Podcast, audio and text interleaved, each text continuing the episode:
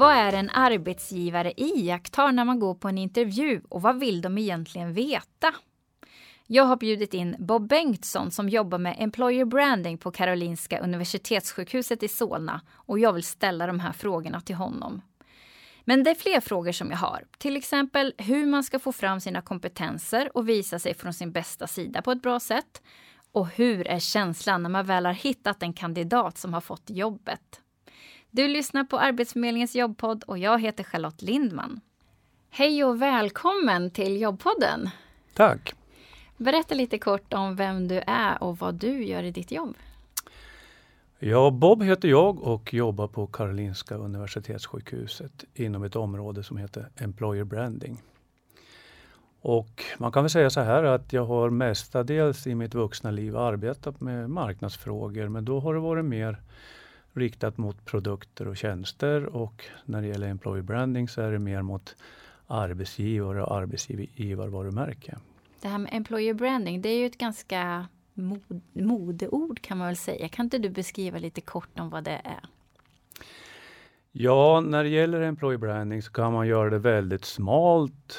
Eh, jag personligen väljer att göra det väldigt brett på så vis att jag tycker att allt som har att göra med arbetsgivarvarumärket, allt som påverkar, det ligger inom mitt område på ett eller annat sätt.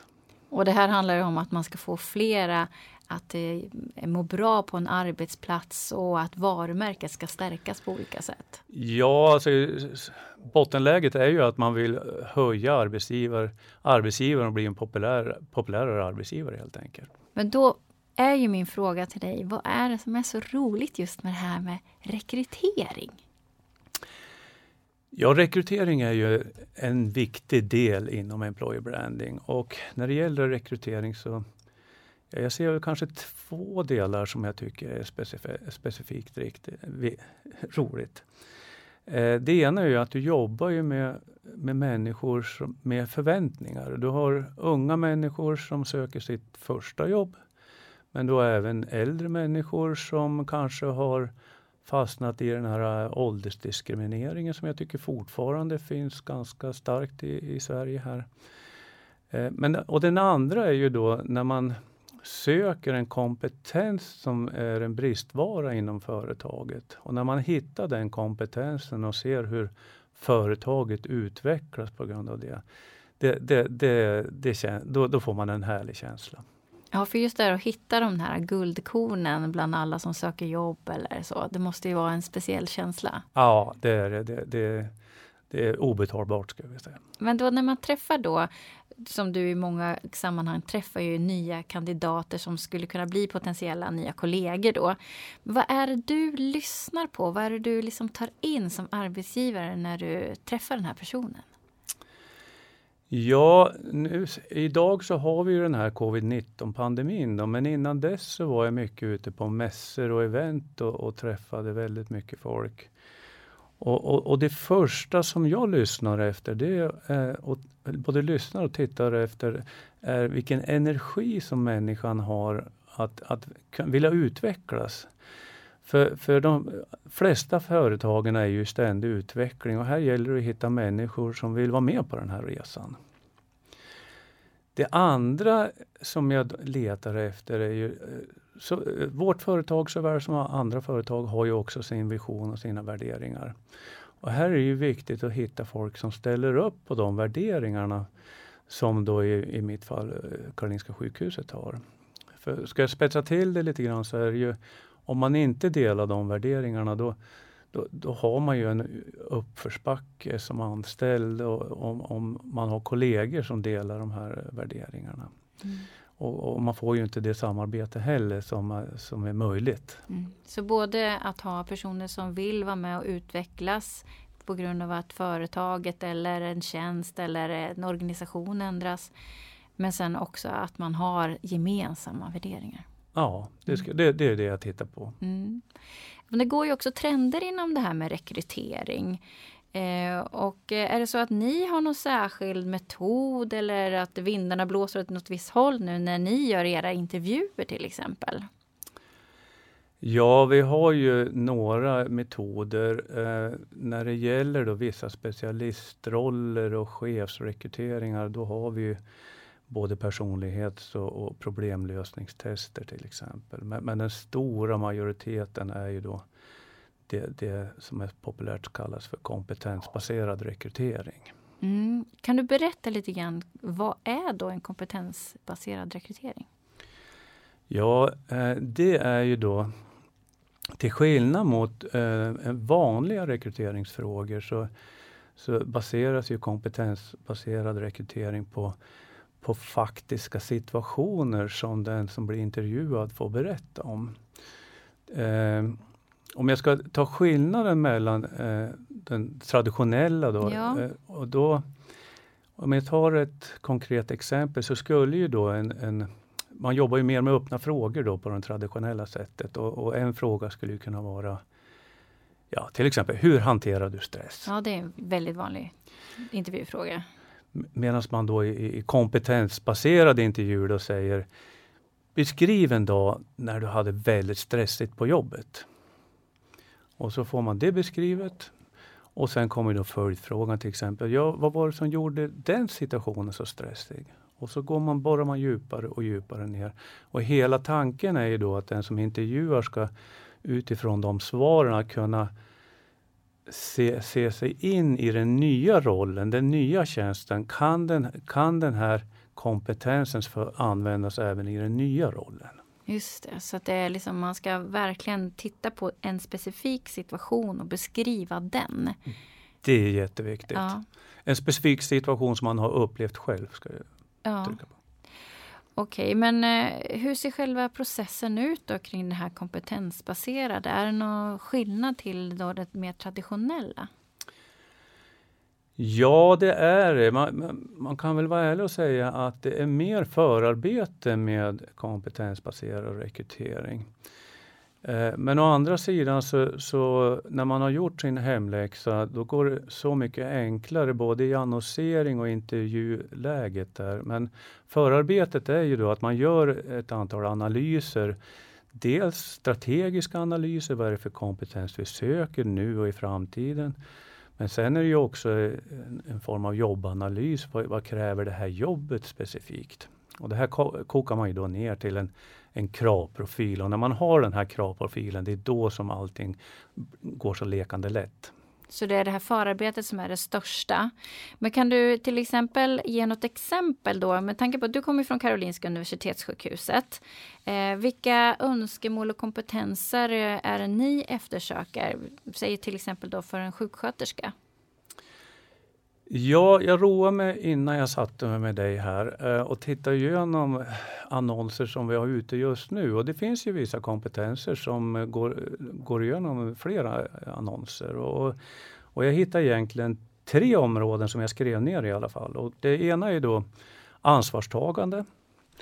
Eh, goda kommunikationsfärdigheter är också önskvärt när man söker sjuksköterskor. Och gärna också att man är kreativ.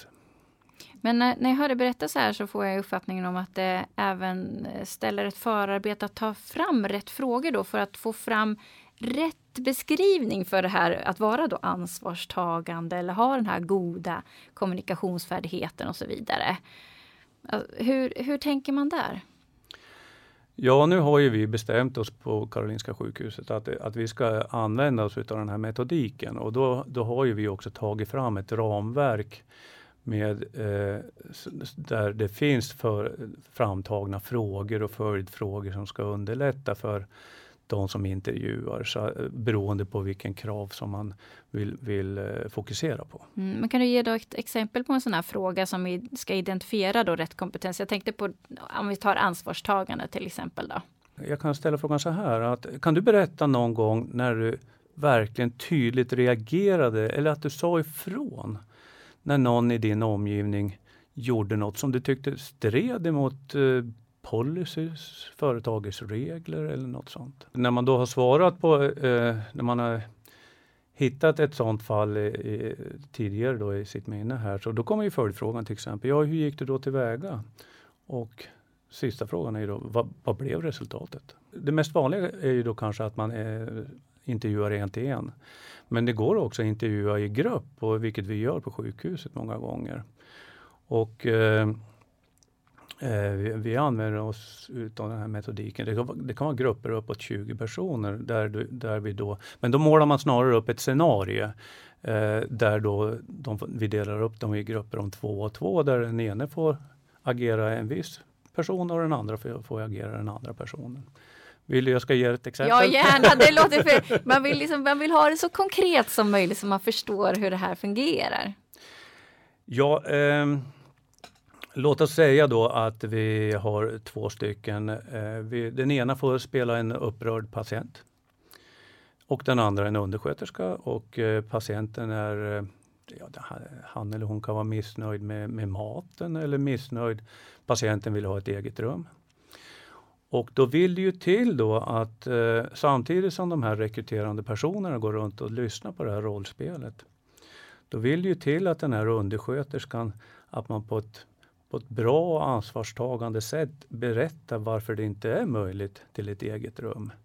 Eller att man inte slänger arbetsgivaren under bussen och, och säger att ja, men den här maten den, den är verkligen dålig, den, den, suger. Utan att man tar det på ett ansvarstagande sätt och berättar så här ligger det till. Det här, den här maten det, det, det är det som lagas och som gäller för alla. Mm. Så det är återigen det här med att måla upp det här scenariot och hur man löste den här situationen. Det är det ni ja, lyssnar på. Amen, mm. Och då får man ju både som du säger det här ansvarstagande men också det här med kanske det här med värderingarna som du var inne på förut också. Att man verkligen speglar värderingar att vi är tålmodiga eller vad det nu kan vara eller att vi inkluderar alla eller så, så att man liksom lyssnar på. Ja, där, där, där, kan man väl säga om, om man ska ge något tips till, till de som blir intervjuade att ju mer påläst de är desto bättre är det ju. Och det är klart att företagens vision och värderingar finns ju på hemsidorna nu, nu för tiden. Va? Så, så kan de använda sig utav värderingarna så är det ett plus givetvis. Mm. Är det något annat som man kan förbereda inför en sån här typ av intervju?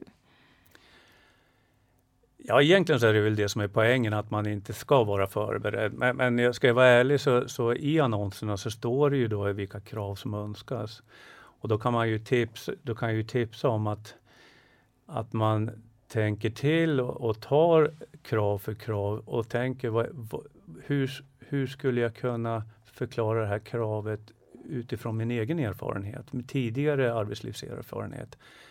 Gärna att man skriver ner det här så att man och, och tränar in, tränar in scenariet. Någonting som man kanske inte ska göra det är ju att, att ge sådana här generella svar som att jag brukar göra det, så här brukar det hända och så vidare. Utan mer så här var det i den här situationen? Ja, mm. så specifikt som det bara går. Mm. Är det några andra misstag som är vanliga när man går på intervju som du tycker att man ska ha beaktande och undvika?